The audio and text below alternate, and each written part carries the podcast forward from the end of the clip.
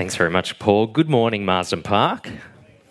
It is always great to get to come and visit you guys and uh, uh, share from the Word of God with you. Like Mark said, we are launching into our Advent series starting today, the journey towards Christmas. And today, my goal is to try to persuade you of something. Um, it's something that will seem paradoxical at first, a little contradictory, but let me try and illustrate the idea that I've got in mind today. Think about parenting for a second. Parents, I think quite rightly, try to instill in their kids a sense of significance. But the way that you instill that in a child, that feeling of a sense of significance, of, of being special in a, in a good measure, is actually by helping a child to realize that their life is not all about them. The way you give a healthy sense of significance is partly by getting them to turn their attention away from their own significance. And that's actually a truth that I think applies to all of us. We find significance when we stop trying to raise up our own significance and instead we realize that we are a small part of something much greater than ourselves. And friends, it's, it's actually by recognizing our place in God's movement, His great, grand plan in history, that we find significance.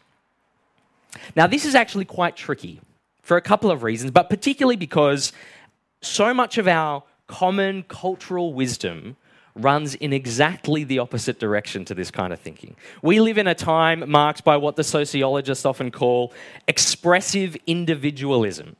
Not just individualism, but expressive individualism. What is that? It is this idea that defining your own identity free from external pressures of any sort is the way to true significance in your life and purpose. It is, it is a drive to be more like exactly what you already are. And the idea is this that you have to resist any sort of model that could be imposed on your life from outside, whether it's the advice from previous generations or a religion or political authorities. Anything which restricts your individual freedom and self expression has to be deconstructed and destroyed. That is the cultural waters that we swim in. And right in the face of that comes God's word today. This passage in Isaiah 11 is a reminder to us that you are part of a movement. And that movement is not first and foremost about you.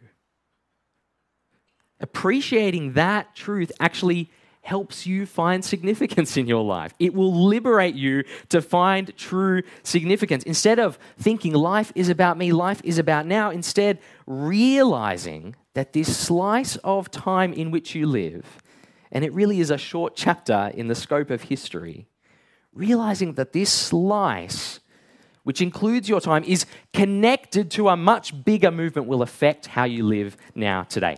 Let me show you this from that passage we read. Uh, it'd be great if you uh, have a paper Bible there to turn it to Isaiah 11, or if you're looking at your phone to um, make sure it's there in Isaiah 11. How does this uh, part of Isaiah begin? Did you notice the, the image that's there in verse 1? It is the image of a stump, of a tree stump, a stump with a shoot that's coming out of it. This healthy, fruit bearing branch coming out of a stump. And then we realize when we get to verse 2 that this, this branch is actually a person, right? It's described as a, as a he. The Spirit of the Lord will rest on him, we're told. Now, I have a question for you. And um, Uh, let, let, me say, if you're, if you're new to the faith and, and it's early days for you in your journey of discovering the truths of the scriptures, you may not know the answer to this, and that's fine. We're all at different stages in our journey. But someone tell me, who is this Jesse that is mentioned in verse 1? Who is Jesse in the story of the Bible?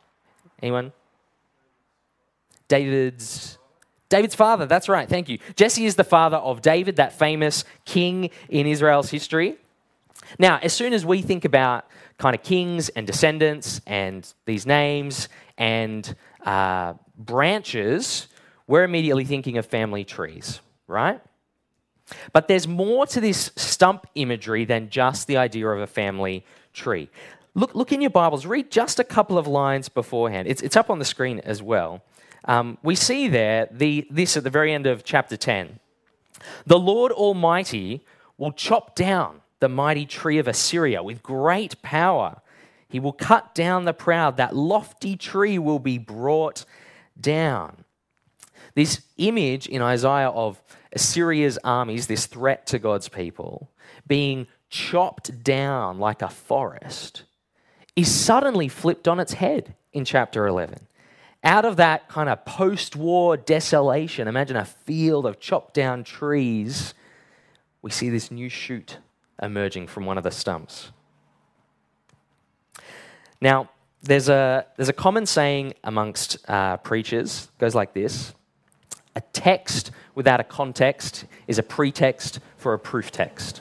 A text without a context is a pretext for a proof text. What, what does that mean? It means when, when, when you take a verse from the Bible out of its context, you remove it from the verses around it, what you've done is you've set up a potentially dangerous situation where you can make the Bible say whatever you want it to say. A text without a context is a pretext for a proof text. And so, the way we avoid that sort of pitfall is we make sure that we always interpret the scriptures in their context. And to see how this prophecy in Isaiah 11 fits into the movement of God's plans, we need to understand the context of Isaiah. We kind of just jumped in uh, 11 chapters into this book. What's happened in those first 10 chapters of Isaiah? Well, here's Isaiah 1 to 10 in a nutshell. Isaiah was a prophet to God's people around 700 or so BC, speaking to the southern kingdom of Judah. And, and in these first few chapters, he is basically staging an intervention with God's people. This is like trying to shake a person, to talk them into an awareness of the crisis that their life is in. You see, their society in Israel and Judah has, has gotten so rotten and it has strayed so far from God that dire consequences are around the corner. Now, most of what comes before Isaiah chapter 11 is really not a pretty picture. It is a really dark picture for the vast majority of it. And it's dark because these people are not just corrupt in the way they're described, but they're kind of arrogantly proud about their corruptness. Here's a little lowlights reel for you. In chapter 1, we read that the, the leadership is thoroughly corrupt. They're accepting bribes to let off the guilty and condemn the innocent. Uh, we, we read elsewhere that, that the people and the leaders are immensely greedy. They live luxurious lives, making fine mansions for themselves. We read in chapter 5, and this may hit a little close to home in our own culture. They describe themselves as heroes at drinking wine, champions at mixing drink, legends for being able to hold so much alcohol. And then, perhaps most poignantly, they are described as those who call evil things good and good things evil. From top to bottom, the picture is of a people who are, are proud and violent and unjust. And so that's why in Isaiah, the good and holy God who, who notices injustice and never slips under his radar, he responds as any good judge would. He, he is not some gleeful punisher, he is a reluctant disciplinary of his people. And yet, at the same time, there are at just a few points in those chapters these glimmers of hope that poke through the storm, rays of light that poke through that dark, dark description. In chapter one, there's this, this possibility of forgiveness if they will turn and obey God. In chapter two, there's a, a future where the people are beating their swords into farm equipment because the nations are now at peace. In chapter nine, a promised child will come to this passage in our Advent series. Will this promised child who will be a great light for a people who are stumbling around in the darkness. This wonderful grace of God keeps shining through the darkness, and a picture starts to develop. And this shoot of Jesse adds to that picture of God's grand movement and where it is all heading. Now, get this. Hundreds of years, literally hundreds of years before Isaiah prophesied about this shoot of Jesse, God made another promise to someone else, to King David himself.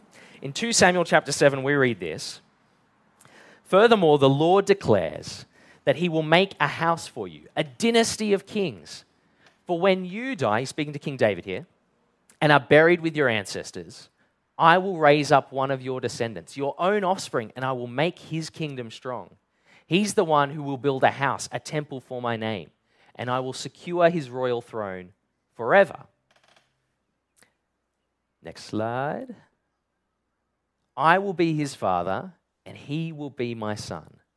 And when he does wrong, I will punish him with a rod wielded by men, with floggings inflicted by human hands. But my favor will not be taken from him as I took it from Saul, whom I removed from your sight. Your house and your kingdom will continue before me for all time, and your throne will be secure for how long? Forever. Forever. Get this a, a child of David in, in this very special relationship with God. God is his father, he is God's son. This king will be punished with the rod of man, and yet God's love for him will never be removed from him. Is, it, is this ringing any bells for you? Let's not jump to Jesus too quickly, though. After David come a series of kings. And for each one, the question is asked is this the one? But sadly, those kings just get worse and worse. There are some here and there that are good, but for the most part, the general trajectory is downwards. Until, in the time of Isaiah, hundreds of years later, we are at one of the worst of the worst on the throne, King Ahaz. Um, I, I was actually a little shocked this week as I read just how bad King Ahaz was. He was a leader in idolatry, a leader in social injustice even sacrificing his own son to the fire at one point, we're described. Can you, can you believe that a king of God's people did that? Now compare Ahaz to this shoot of Jesse, this branch of Jesse. We read there in verses 2 and 3 the Spirit of the Lord will rest on him, and he will delight in the fear of the Lord. In our life group this week, um, our, our, midweek small, small group Bible studies, we were uh, discussing this idea of the fear of God, fearing God, what that means. And this analogy came up, this idea of a waterfall. Imagine you are standing at the base of, of just the most powerful waterfall that you can imagine. All this, all this force, all this power that is literally overwhelming your senses. You can hear its power, you can see its power, you can feel the vibrations in the rocks around you from its power. This waterfall is scary, it is fearsome. And yet, uh, while there's no doubt about its raw power, it is, if, if you were to step into that cascade, it would pummel you. The experience of its fear is actually a delight. It is, it is a breathtaking thing to stand before. It is beautiful and it is awe inspiring to see that power. This branch, friends, delights in the fear of the Lord, a good fear of the Lord. Now, it goes on to describe how this, this branch of Jesse is going to bring a perfect kind of justice. You see, there are two things that can cause our human systems of justice to be less than perfect. One is a lack of facts, and one is a lack of force. If you don't have all the facts, it's hard to administer justice perfectly. And if you don't have the power to enforce some decision, well, then it's also hard to administer justice perfectly. You see, sometimes our justice systems, they can make mistakes. Um, people can, who, are, who are innocent can be convicted of crimes. And what, what's going on there? Well, it's a lack of facts. The courts can't see all the truth. There's something that is hidden, something that's been manipulated. There's something missing in the truth. On the flip side, imagine a situation like this where uh, some powerful crime syndicate, some organized crime group, grows in their strength and their influence to the point where they terrify their citizens and even their governments are scared of them. The problem there is not a lack of facts, right? Everyone can see the criminality, everyone knows who's committing the crimes. That the problem is a lack of force. But the shoot doesn't have either problem, does he? He has wisdom, understanding, knowledge from God. He's got the facts. And he has counsel. He has might. He has the power to act and enforce. And that's why in verse 3, we can read, He will not judge by appearance, nor make a decision based on hearsay, just what he hears. Instead, he will give justice to the poor. He'll make fair decisions for those that are exploited. Imagine if we could equip our judges with machines that could perfectly interpret the motivations of people. Just, imagine that if, if kind of our systems of justice could perfectly peer into the hearts of people and know their motivations at any moment. Um, I'm afraid that answer you just gave was a bit deceptive. Could you try answer a little more truthfully this time?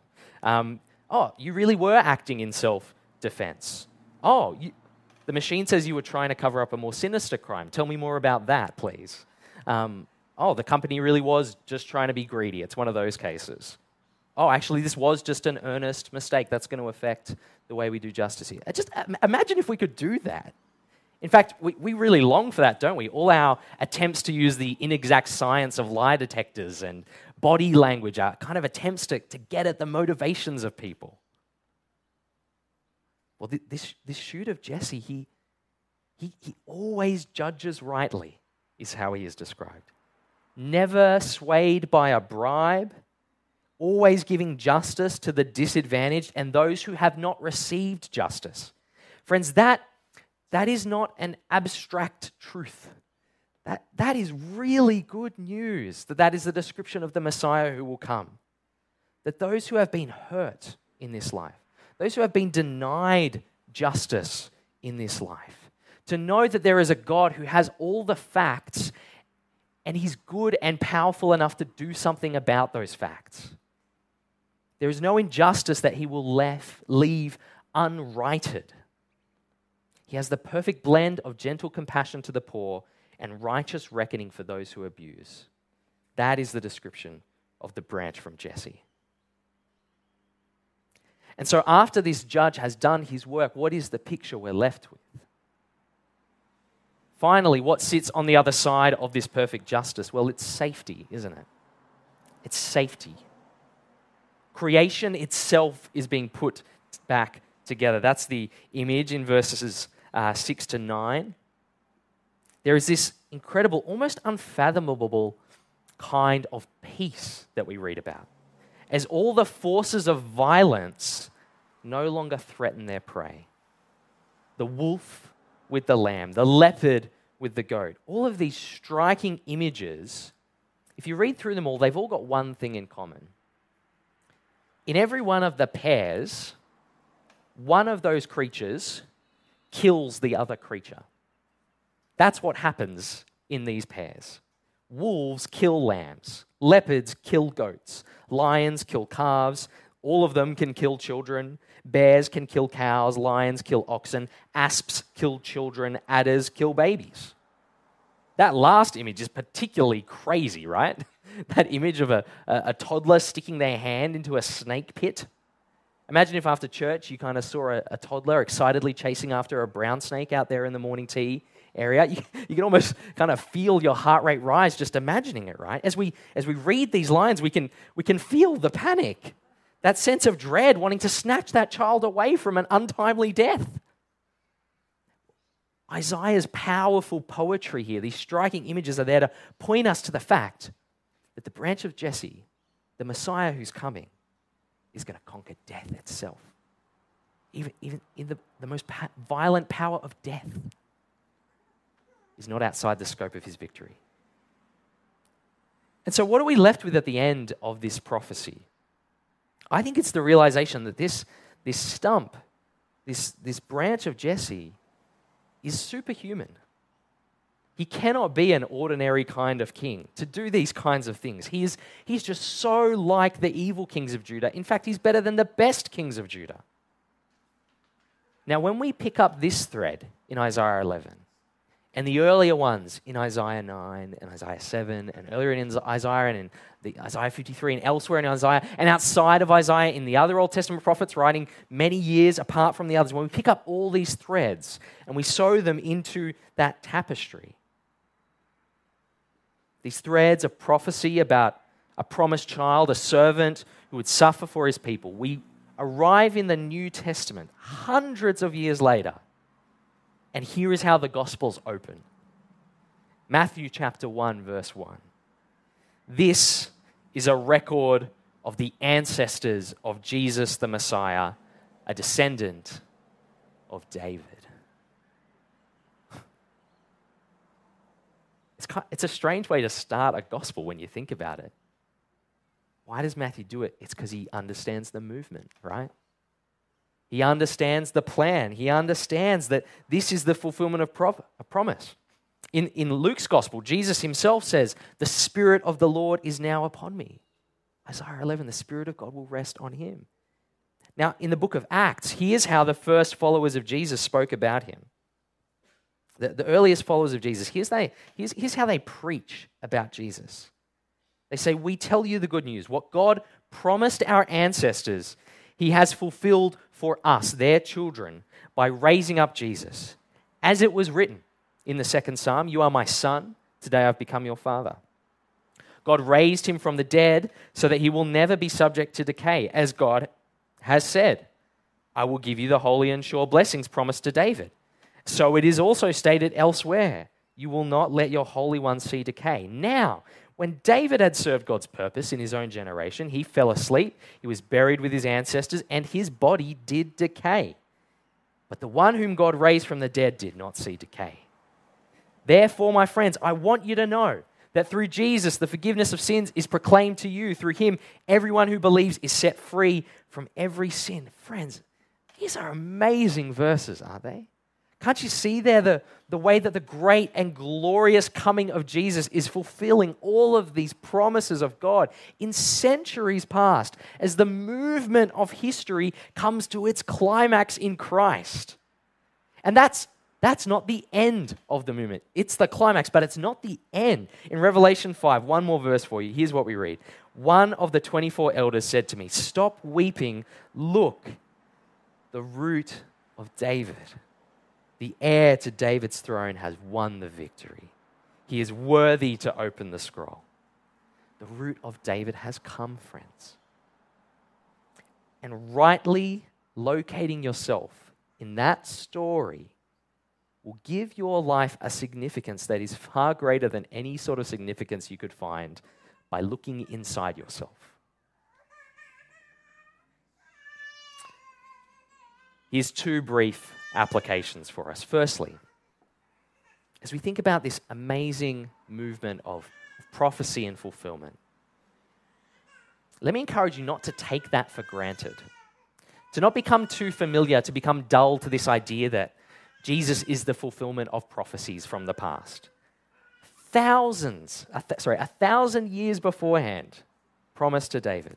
700 years beforehand to Isaiah. Many times elsewhere in other Old Testament books, until finally this man arrives to whom all of the promises adhere. Friends, no other holy book in any other religion has anything like this.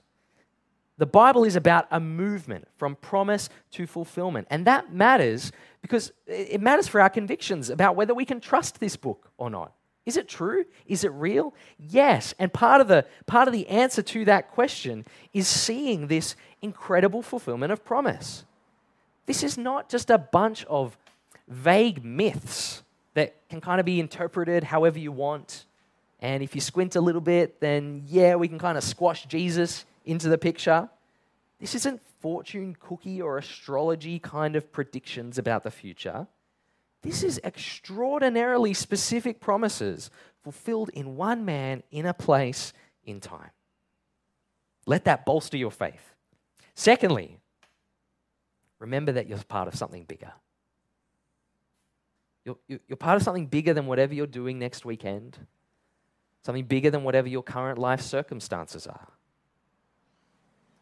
Brothers and sisters, I want you to lift your horizons and see this bigger movement, to stop being overly concerned with minutiae and trivia in your lives. Because there's something more significant that our lives are about. Uh, your prayers and your faith will potentially shrink and become small if we let them. But notice how Jesus taught his disciples to pray in the Lord's Prayer. What did he say? Pray this Your kingdom come. Your will be done.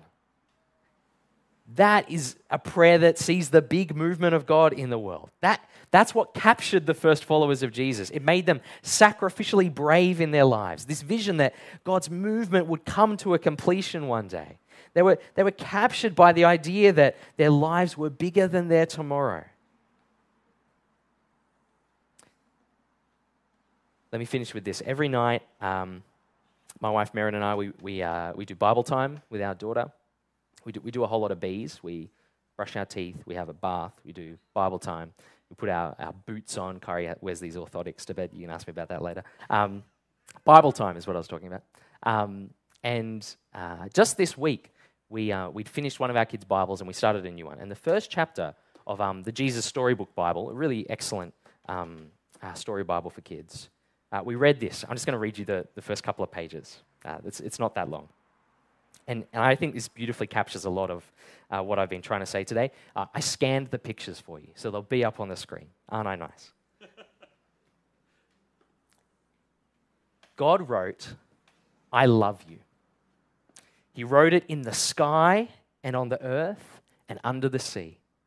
He wrote his message everywhere because God created everything in his world to reflect him like a mirror, to show us what he's like, to help us know him, to make our hearts sing.